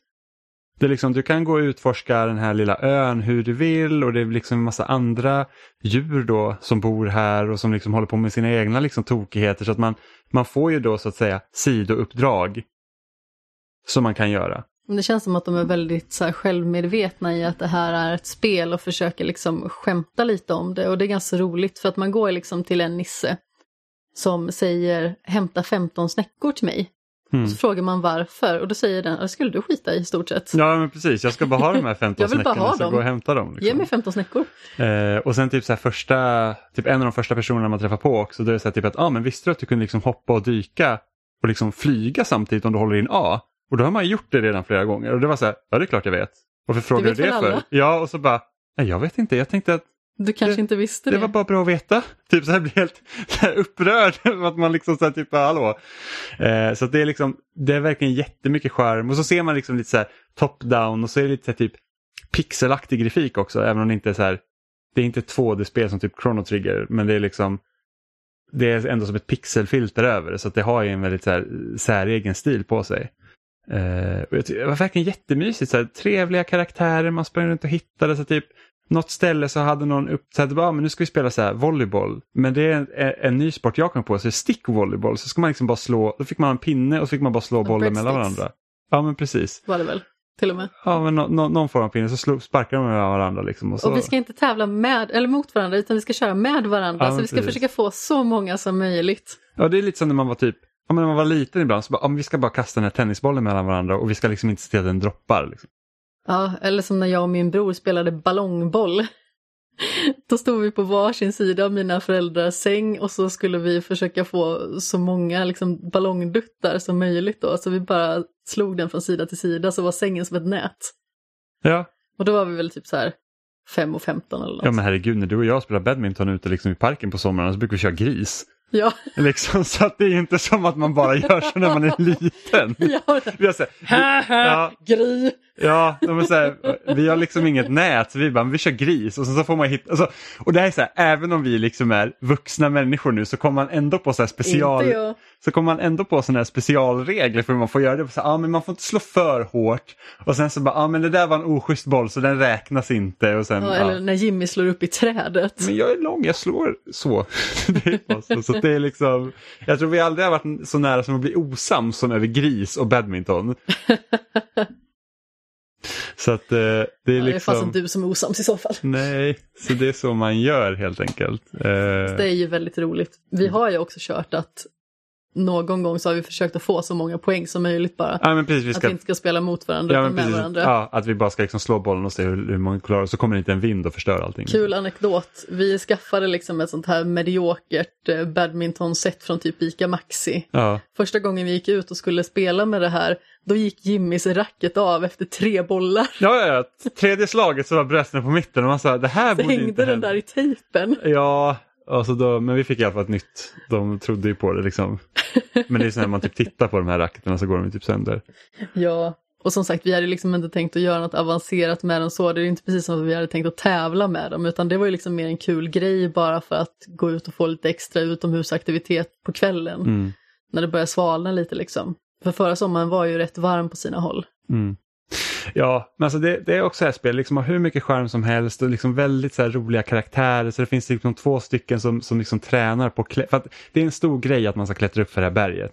Och då är det två stycken and, andra karaktärer där som liksom håller på att klättra på klätterväggar. Och då är det så här typ att ah, men vi har typ en klubb för att bli, för klä, kalla den klätterklubben liksom.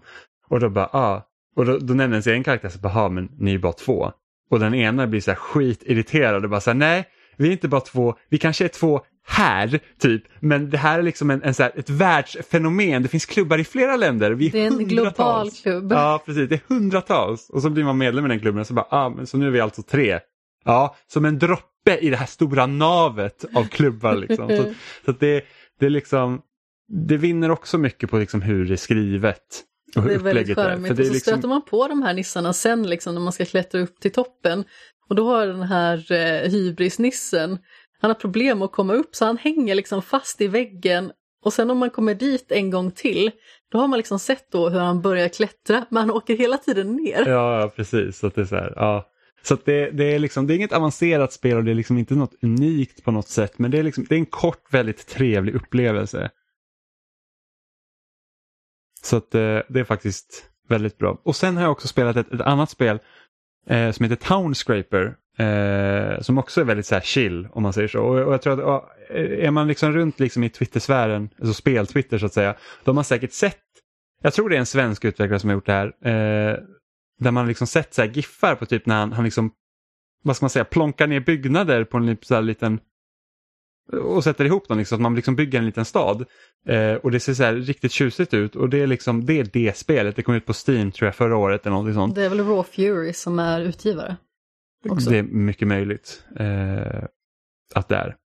Men, eh, och det, är liksom, det finns inga mål i det här spelet. Du har liksom bara, du har liksom en funktion, det är att du kan sätta liksom ner byggnader på, på liksom den här lilla kartan. Liksom det är som ett, man, man har liksom, när man börjar så är det som ett tomt canvas, det är, liksom, det är vatten överallt. Och sen så sitter man som första Ja, eh, Raw Fury utgivare. Så första grunden, liksom, då blir det typ sten och sen så kan man lägga på och bygger man ytterligare på det så blir det hus och bygger man husen på varandra så blir de till torn och liksom så får man hur man utformar det här så leker man liksom hu- beroende på hur man sätter husen i relation till varandra och det är så man får de här olika formerna. Så det finns ju liksom inte så att olika typer av byggnader som man lägger utan du har bara en funktion, det är att lägga ner dem och så får du se hur det blir och sen så kan man ju ta bort dem såklart för att liksom försöka se hur agerar den här liksom lilla, lilla verktyget när man använder det.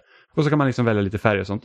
Inga mål, det är liksom inte så att ah, men nu bygger vi en stad och ska få den liksom självförsörjande utan man bara bygger och så får man se hur den ser ut. Och det är liksom så här, det är så här perfekt podcastspel. Så att, ah, men jag vet inte riktigt vad jag ska spela eller jag behöver liksom bara, jag behöver bara sitta och göra någonting. Och så blir det lite som att på, på den gamla goda tiden barn när man satt och pratade mycket i telefon, så här, telefon med sladd. Och liksom, du vet, då kunde man säga så här, telefon, vad ska man säga, kladd liksom. Att man satt och kladdade liksom, i, ett, i ett anteckningsbok och göra liksom, olika former. Det var ganska vanligt. Det brukar jag göra på typ mattelektioner och grejer.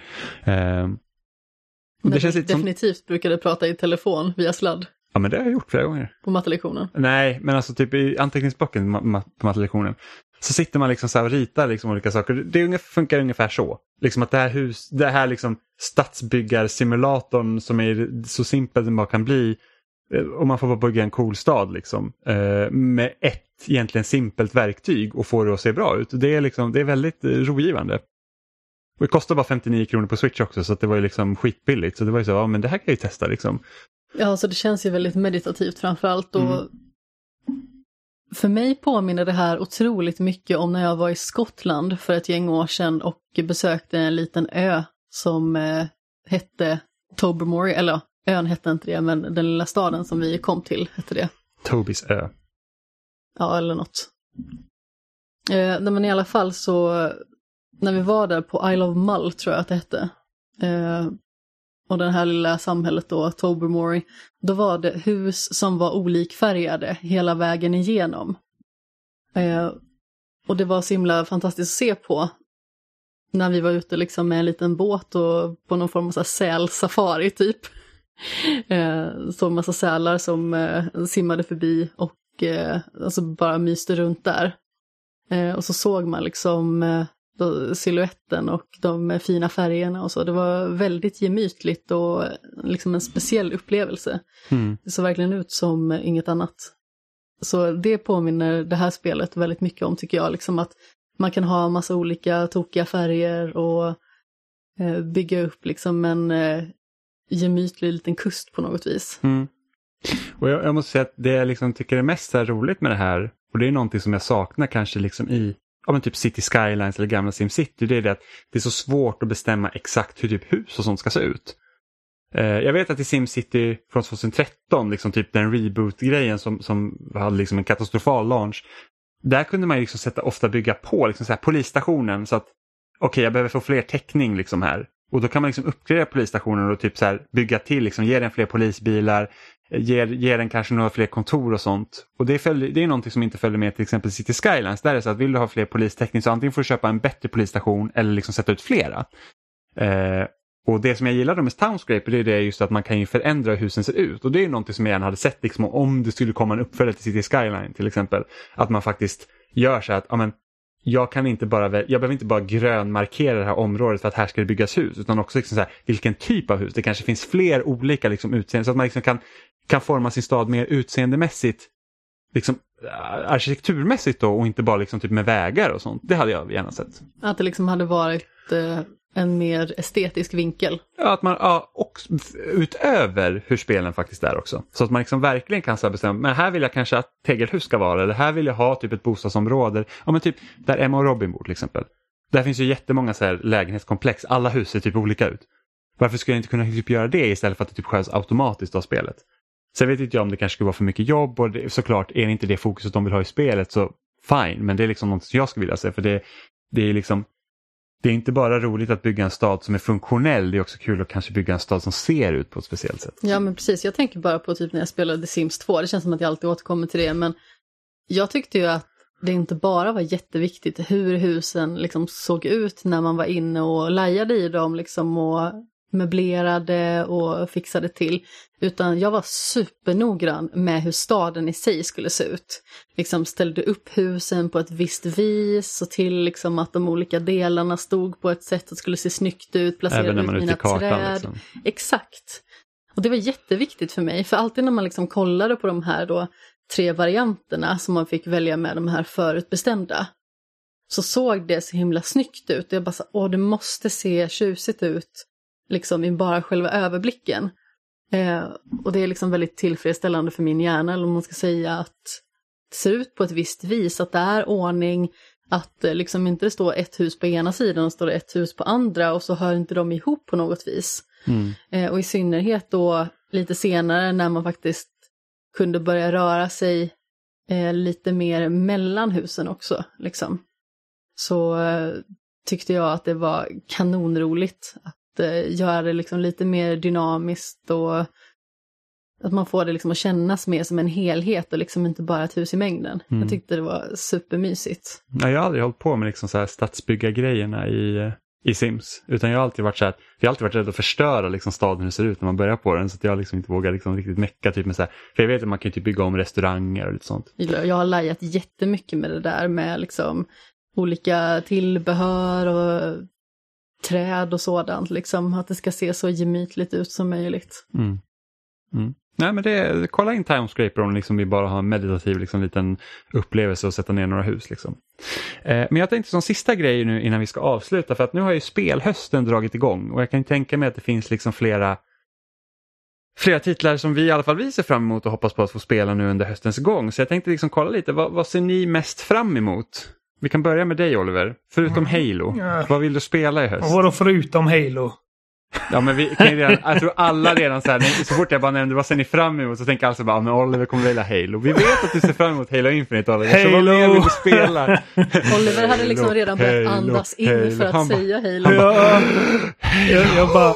Nej, och så, förutom Halo, skitsnack. Ja men Eh, Halo Infinite såklart. Men okej, ja. bara snabbt, vad ser du mest fram emot med Halo Infinite? Multiplayer eller kampanjen? Eh, både och.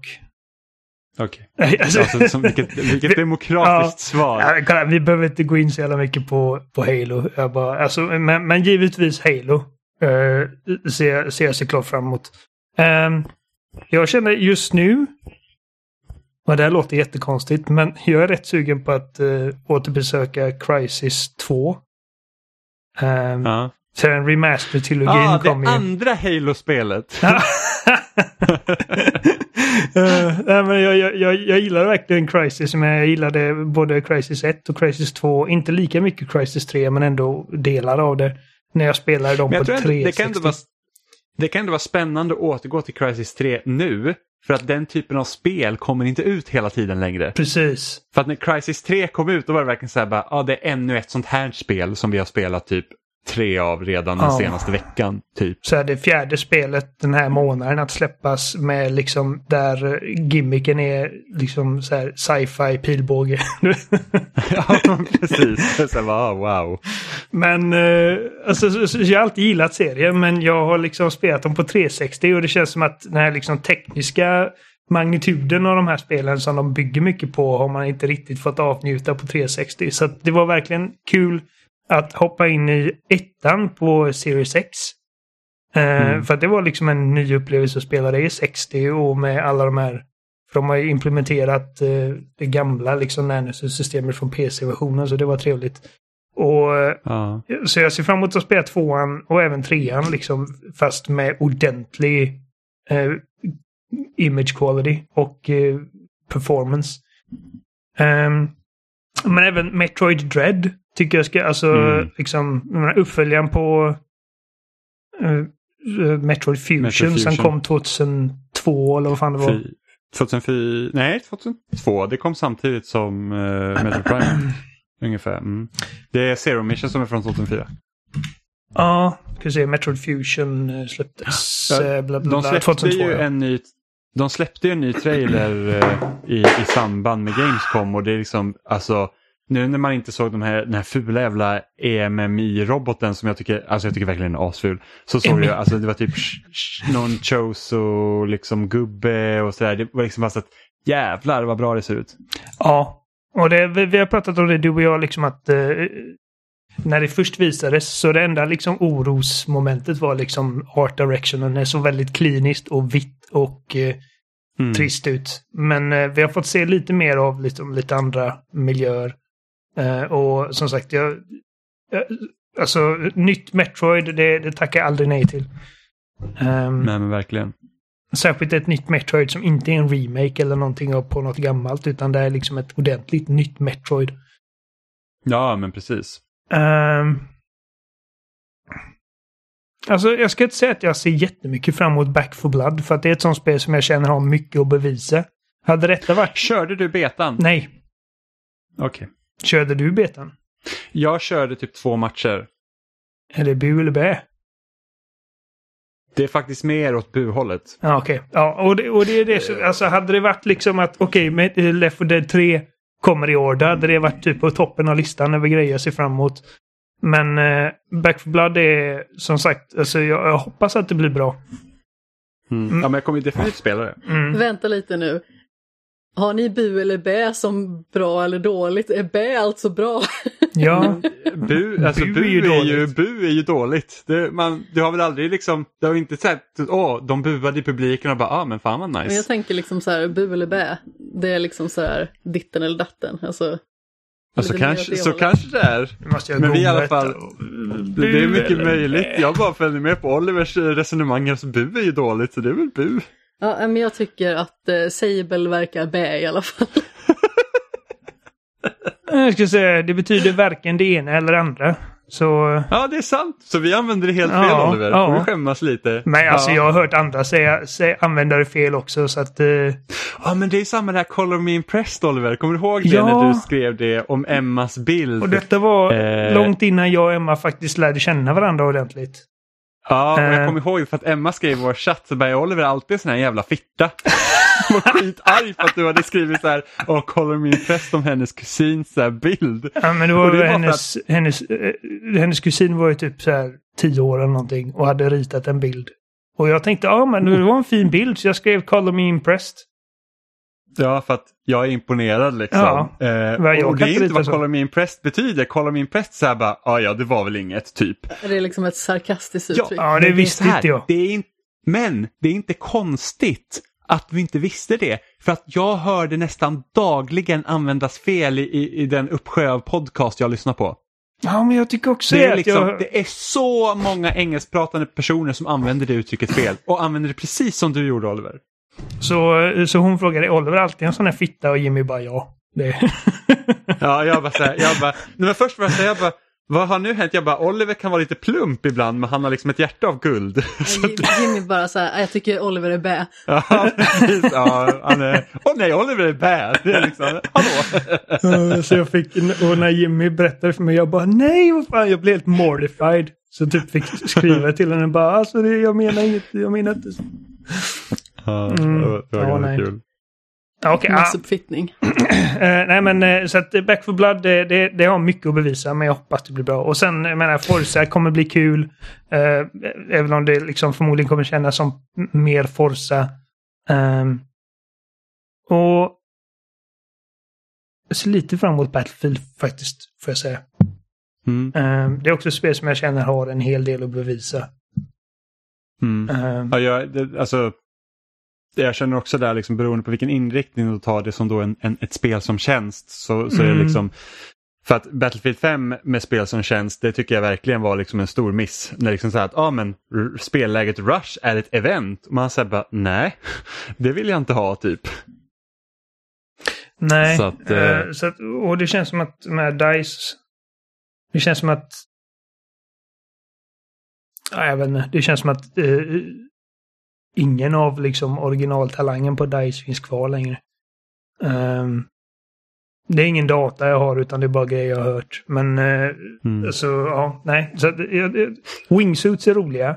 Jag är inte helt såld på det här liksom så här, typ near future-grejen med liksom robothundar som springer runt. Uh, men uh, jag tycker det är kul att det är liksom ändå ett modernt Battlefield igen. Mm. Sam alltså jag är typ pepp på att kanske få liksom ha fordon som, som känns mer integrerade i hela ja. spelplanen än som de gjorde i både Battlefield 1 och 5. Samtidigt som jag är liksom lite rädd för att det ska bli typ som Battlefield 4 igen, liksom, där det finns typ en miljon olika attachments. Uh, typ åtta och olika folk... ljuddämpare. och folk älskar Battlefield 4. Ja, jo, men alltså, alltså man kollar typ på så här Reset Air och allting, de bara, men det är det bästa Battlefieldet. Man säger bara, nej, tre. Alltså Battlefield 4 är inte ett dåligt spel. Särskilt efter typ, eh, alltså efter release med alla DLC och grejer och sånt mm. ute. Så alltså, ja, eh, det är inte alls dåligt. Nej, det, finns men... jättemånga, det finns jättemånga bra banor i det, men det är liksom, det är inte Battlefield 3. Det är inte Bad Company 2. Det tycker jag Nej, fortfarande är liksom min peak. Ja, men jag tror uh. Bad Company 2 hade absolut det bäst med att klasserna faktiskt fick vara sina klasser. Mm. Och spelar du en specifik klass då ska du spela på ett, på ett visst sätt. Det är inte så att du är helt låst till att göra någonting men det är liksom så att du har en roll och du, det liksom, du uppmanas att, att fullfölja den.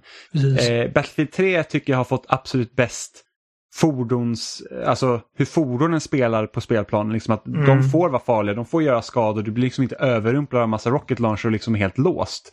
Eh, som man kunde bli i senare spel. Eh, så det är väl det. För det, det typ, krävdes lite koordination för att få ut en bra tank. Liksom.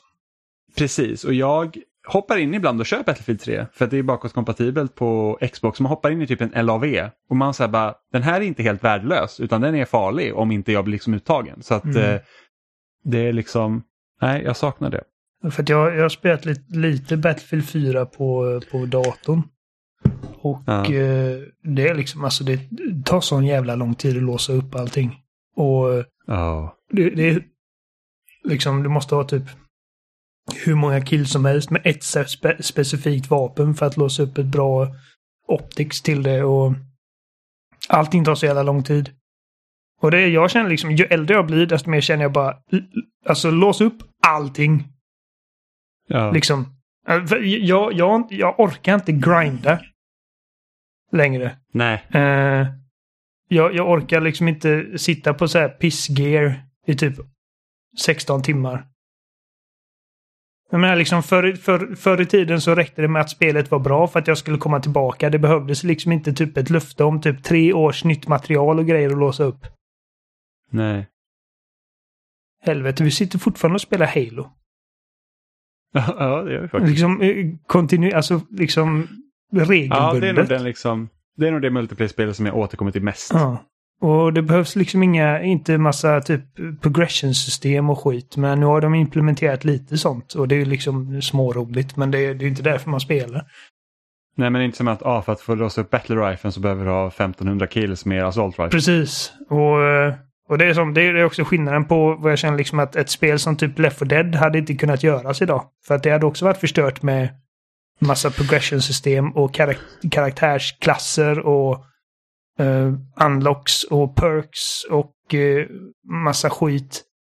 Och det finns ju Back for Blood. Ja, precis. Och Där har ju, karaktären har ju specifika grejer och du kan typ ha så här, låsa upp Alltså du får typ ha en kortlek som du går in med typ och äh, aktivera äh, kort för att få typ olika buffs. Så det är så här bara att det börjar bli för komplicerat. Vad det är typ osexigt. en av anledningarna till att jag inte har Alltså det är en av anledningarna till att jag spelar mer Dead by Daylight. För man hoppar in i det spelet och man säger jag är helt förvirrad över vad allt det här är. Och jag vet, liksom, jag förstår varför folk gör det. För att det är liksom det är sånt som din genomsnittliga spelare förväntar sig idag. De vill ha sånt. Ja. Liksom. Um, Precis. Och, men jag bara, jag har inte tid. Liksom. Jag orkar inte sätta mig in i typ 13 olika battle passes. Uh, nej, nej, det, det finns liksom inte, alltså, det är inte ett alternativ. Nej. Det är inte speciellt kul heller att känna sig att jag måste spela. Nej, precis. Men nej, jag, jag, köpte ju Battle Pass för jag gillar Destiny, så jag köpte Battle Passet till Beyond Light när det kom. Och vi, ja. du och jag och Adam körde typ två gånger. Och sen blev det inte av. Och sen tog det Battle Passet slut, så jag har lagt pengar på någonting som jag inte fick någonting för. Nej, men, men det är bara hundra spänn, men alltså det är ändå liksom rätt i sjön. ja. Uh, så att... Uh, ja, nej, det, det, det, det, det är det jag känner kom, liksom, kommer få Back for Blood att stå och falla på med. För att menar, vi, vi har, mm. så många gånger vi har spelat liksom de jävla kampanjerna i Left 4 Dead. Inte för att vi jagade någon särskild reward eller någonting, utan det bara för att det var bara så jävla roligt. Det hade omspelningsvärde. Mm. Och det var liksom inte, alltså det, utmaningen låg liksom i banan, inte liksom i allt innan om man säger så. Uh, Amanda, vad ser du fram emot? Jag har redan sagt Sable. Är det det enda du ser fram emot? Nej, det är det väl egentligen inte. Alltså jag tycker det ska bli roligt att spela Back for Blood, men det är liksom för att jag också vill vara med mest. så jag vill vara med? ja, jag vill vara med. Eh, sen så finns det ju ett eh, litet eh, simulatorspel som jag har fått nys om, som jag ser fram emot att det liksom kommer på konsol, och det är Let's Build a Zoo. Jaha, och vad är det för någonting då? Men alltså, det är ett litet eh, liksom, zoosimulatorspel där man eh, tar hand om djur och tydligen liksom ska det finnas eh, en ganska så stor vikt av så här moralisk kompass i det, liksom hur man hanterar djuren och eh, eh, man kan också alltså, korsa djuren med varandra så att man liksom kanske kan korsa då en, eh, en apa och en get Och så får man liksom en ny ras av det. Så jag tycker att det här verkar jätteroligt och superknasigt och eh, ser jättegulligt ut. Och jag har lite grann så här längtat efter något eh, nytt sånt här simulatorspel och eh, Two Point Campus kommer ju inte förrän nästa år. Så det här ser ut som någonting som jag vill sätta tänderna i i alla fall. Jag försökte hitta någonting i likhet med ja, men Stardew Valley eller alltså den typen av spel som Mm. är väldigt meditativt att ta liksom emellan omgångarna av andra mer intensiva upplevelser. Mm.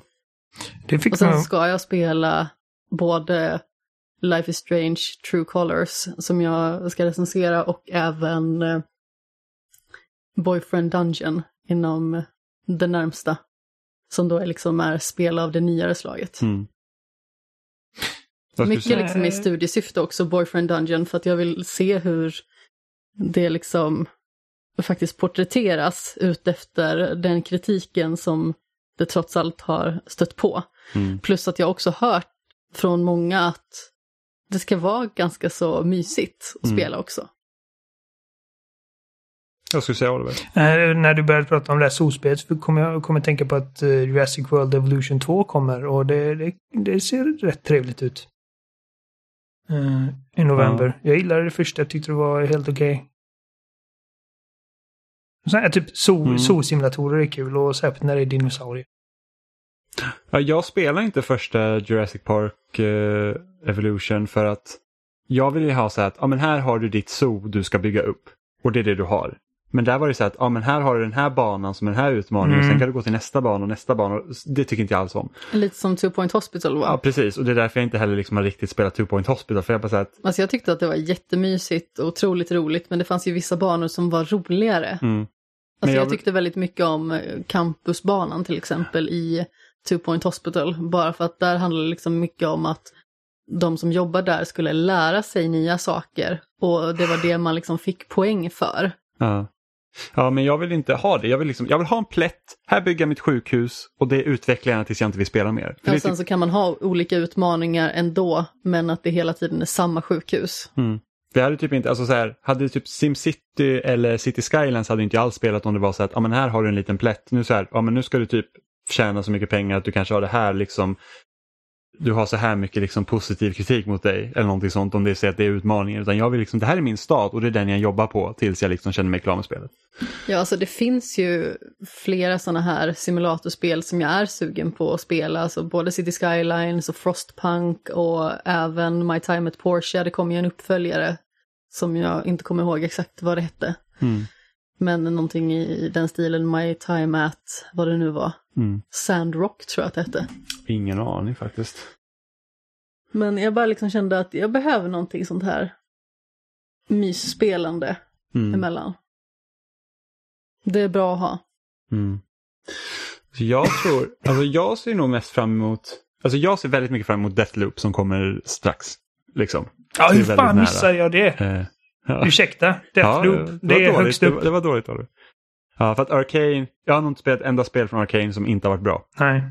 Eh, jag har bara spelat Dishonored, Dishonored, Dishonored, 2 ja. och Prey är liksom, alltså det är verkligen det är, det är of the Chef's kiss.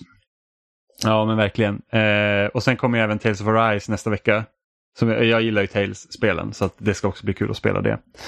Jag Eh. kanske vill spela det om det ser bra ut när du spelar det. Mm. Men alltså det är ju alltså det är faktiskt väldigt roligt. Det är liksom eh, action-ös JRPG och det är sånt som typ Oliver hatar när det kommer till JRPGs också. Det är klassiskt. Ja, jag hörde på, på bara titeln så kunde jag se det framför mig. Så här, Tales of Oliver hatar Arise. JRPG, punkt. Ja. Så här, ordet Ja. Tales och sen Tales of Arise. Liksom typ eh, bara en mening som inte betyder någonting. Ja, men det är väl så här, jag vet inte, du spelar aldrig Tales of Symphonia på GameCube va, Oliver? Nej. Nej. Det är också väldigt bra, och även Tales of Vesperia. Jag har spelat Symphonia, Vesperia och Exilia. Jag har spelat. Jag tycker om allihopa. Sen Saber som du nämnde såklart, eh, Amanda. Det här spelet. Sen så ser jag faktiskt väldigt mycket fram emot Super Monkey Ball Banana Mix.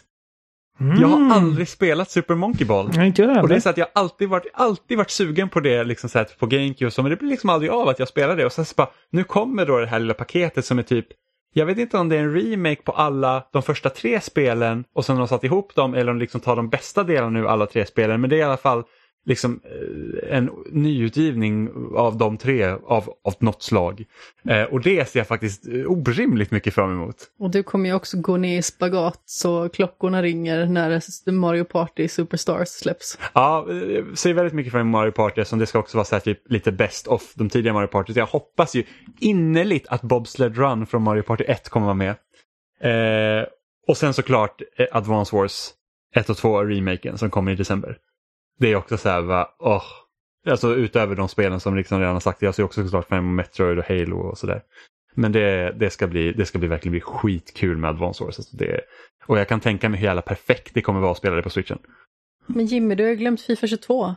Nej, hallå! Hej hej! Amanda kommer stå utanför Elgiganten vid öppning och bara säga nu ska jag köpa Fifa. Det är en sån här andedräktspuff på glaset. Precis. Släpp in Jag, mig! jag testade faktiskt ett eh, Fifa på Game Pass för att jag tänkte att jag har inte spelat Fifa sedan 2001 kanske. Fifa 20 va? Eh, 21 tror jag det var. Är det 21 som finns? Ja, skitsamma. jag vet inte. Det, Eh. Men brukar de inte släppa typ för, förra årets spel då brukar vi komma till typ EA, vad heter EA Access Mm. eh, innan nästa spel kommer. Ja, jag tror det var 21 i alla fall. Men, men jag, Mm. alltså, jag blir helt chockerad över avancerade kontrollscheman de här spelen har. Ja, gud. Det För är jag, bara, liksom, jag, jag, jag, spelade... bara liksom, hur fan skjuter jag? Och hur passar jag? Liksom, jag tryckte på alla knappar och ingenting hände. Och så fick jag gå in där och liksom studera. För att liksom, när man startar spelet så kommer man direkt in i sin första match. Eh, liksom, man kommer inte till någon meny eller någonting. Det är en mellansekvens och bara oh, alla, liksom, publiken gapar och så är man inne i matchen. Jag fick stryk. Eh, och jag var så nära att ringa, ringa eh, Amanda och bara hjälp mig. Hur typ fan såhär, passar jag? Ja, senast jag spelade typ ett, ett, ett fotbollsspel seriöst, det var liksom typ jag kommer inte ens ihåg vad det hette, men det var typ någon här VM i fotboll till typ Mega Drive också. Så man så bytte, bytte spelare på en knapp och sköt med den andra liksom. så, Ja, ja men det var liksom, det var så, så, senast jag spelade fotboll så var det också så här att du, du, du liksom, du trycker på en knapp och så får du kontroll över spelaren som är närmast bollen och sen så har du en knapp för att skjuta, en knapp för att passa, en för att typ dribbla eller vad det är. Och nu är det typ Mm. alltså så många, dels har du face-knappen och sen har du att du kan få olika typ eh, styrkor antar jag, eller typ hur du lobbar bollen beroende på vilken axelknapp du håller inne samtidigt så trycker du på den och jag bara Nej, det här, det här går inte. Ja, men sen så är det naturligtvis också att man håller i en viss tid för att man ska liksom få en viss hastighet och sådana grejer. Alltså, om vi tar det i grunden så är Fifa inte så svårt. Det är liksom mer Nej. när man ska Mm. göra mer avancerade grejer, sådana som jag liksom inte är speciellt bra på. ja, men det är inte Jag är speciellt, bättre på att mörsa. ja, men det är väl speciellt inte enkelt att så här pick up and play Nej, för någon som inte har verkligen spelat. inte. Alltså, för, och, jag- och jag, kan tän- jag fattar ju det också att liksom de som spelar de här spelen generellt, de har spelat de här spelen varje år. Så att det är liksom, det är ingen idé att ha någon så här lång jävla tutorial-grej i början som, som inte går att skippa. Ehm, men för att, jag, för att ifall du var bra på, på Fifa 2020 så är du förmodligen rätt bra på Fifa 2021 också, right out of the gate. Men jag har inte spelat något Mm. av de här spelen på typ 20 år så jag bara liksom, vad- vad fan håller jag på med? Och ja, nej, det är, jag bara, det här är mycket djupare än vad jag, vad jag räknade med att det skulle vara. Ja. Ja, jag kommer nog inte köpa Fifa 22, men det sa jag om Fifa 21 också. Jag tänkte precis du sa exakt samma sak förra året. Mm, precis, jag tänkte att men jag kan ju lika gärna spela Fifa 20. Alltså visst, det är ju roligt naturligtvis och det finns oftast någon liten kampanj som man kan ta sig an och sådär. Eh, och det är ett rätt skönt så här, palettrensarspel. Men eh, ja, jag vet inte. Jag, jag blev, alltså jag lyckades få ett mål. Och jag bara, alltså, och detta var ju liksom efter att jag då... Och Oliver bara reste sig upp och bara ja! Du, ja, jag, jag blev faktiskt förvånad över liksom vilket rus jag fick. Att jag, att jag lyckades sätta ett mål och jag bara yes! Jag tänker på den där membilden med han den här personen som får en medalj och sen öppnar den här champagneflaskan och typ sprutar ner sig själv och sen börjar spruta ner de Ja. andra som står bredvid honom och så visar jag att man har varit sist. ja, precis. Tredje plats. Uh, ja, nej, nej, men jag, eh, det var faktiskt... Jag avinstallerat det nu, men det var, det var kul att liksom hoppa in och bara se vad som har hänt med fotbollsspel sen jag spelade sist. Mm. Alltså det är ju imponerande. Mm. Ja men det är liksom vad tekniken har gått framåt ändå. Mm. Och jag tycker fortfarande så här, typ att de här 2D hockeyspelen är fortfarande roligast. Så jag spelar lite, jag spelar lite den här Ice NHL94 hockey. remaken som släpptes med, ja precis, eller EA Hockey till Mega Drive också, det är min favorit. Men eh, NHL94 gjorde de ju, de släppte ju en ny utgåva av det tillsammans med NHL21. Eh, där de bara hade liksom bytt ut spelarna då så att det var ju liksom, det spelas exakt som NHL94 gjorde på Mega Drive och SNES, om det kom på SNES, jag minns inte. Eh, fast med, ny- med nya spelare då. Eh, och det, det var faktiskt jävligt kul att spela det igen. Men eh, jag tror att det var, hade, att det var allt för idag va? Ja, jag känner mig nöjd. Ja, eh, och missa inte att vi kommer streama då den 25 september klockan 10. Eh, där vi kommer fira att Spelsnack fyller 10 år. Och eh, vi kommer ha jätteroligt så vi hoppas att ni också är med och eh, vill titta och eh, chatta med oss helt enkelt. Tagga 15 timmar Fall Guys. Ja, precis. Eh, men ni kan, ni kan gärna skri skriv på Twitter eller mail eller föreslå på spel vi kan spela så ska vi se om vi kan liksom lösa det på något sätt. Eh, vi tar eh, all, eh, all inspiration till vad ni vill se. Helt. Ja, tvinga Så oss inte att eh, streama 15 timmar med noll tittare, snälla. Får, får, länka, får ge en länk till din mamma Oliver. mm, Ja, ja, jag får nog göra det.